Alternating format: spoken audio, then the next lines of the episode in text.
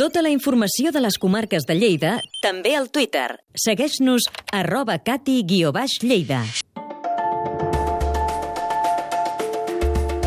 Aquesta setmana es dona per tancada la temporada de la brama del cèrvol al Pirineu català. Durant un mes, els mascles d'aquesta espècie han omplert els cims i les valls amb un so molt característic que forma part del seu ritual d'aparellament. Un espectacle de la natura que cada vegada treu més visitants.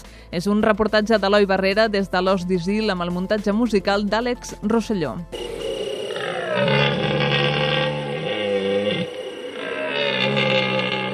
La brama del cèrvol és un moment de l'any, entre mitjans de setembre fins a mitjans d'octubre, en què els mascles de cèrvol doncs, és la seva manera d'atraure les femelles i, per tant, doncs, aquí hi ha una lluita entre cometes, entre mascles, per intentar-les aconseguir. La seva manera, entre altres, doncs, és fent aquest soroll tan especial i tan, tan bonic, no? que, és, que és el que es diu la brama. La Montse Vallvé és guia interpretadora del Parc Natural de l'Alt Pirineu, un dels punts on es pot escoltar més bé la brama del cèrvol, juntament amb la Serra de Baumort o el Cadí Moixeró. Durant l'època d'aparellament, els mascles emeten forts brams per atreure femelles i marcar territori. En aquestes setmanes és fàcil sentir-los bramar, però hi ha empreses com la de la Montse que ofereixen guiatges específics per completar l'experiència.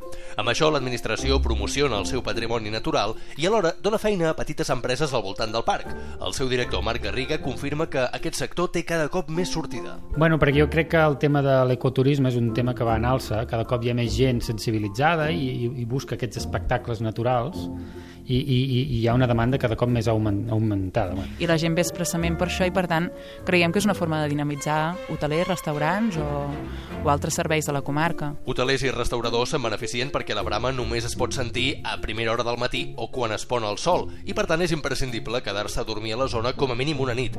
Satisfacció, doncs, pel sector turístic, pels gestors d'espais naturals i per aquest públic creixent, amant de les experiències i els espectacles en plena natura.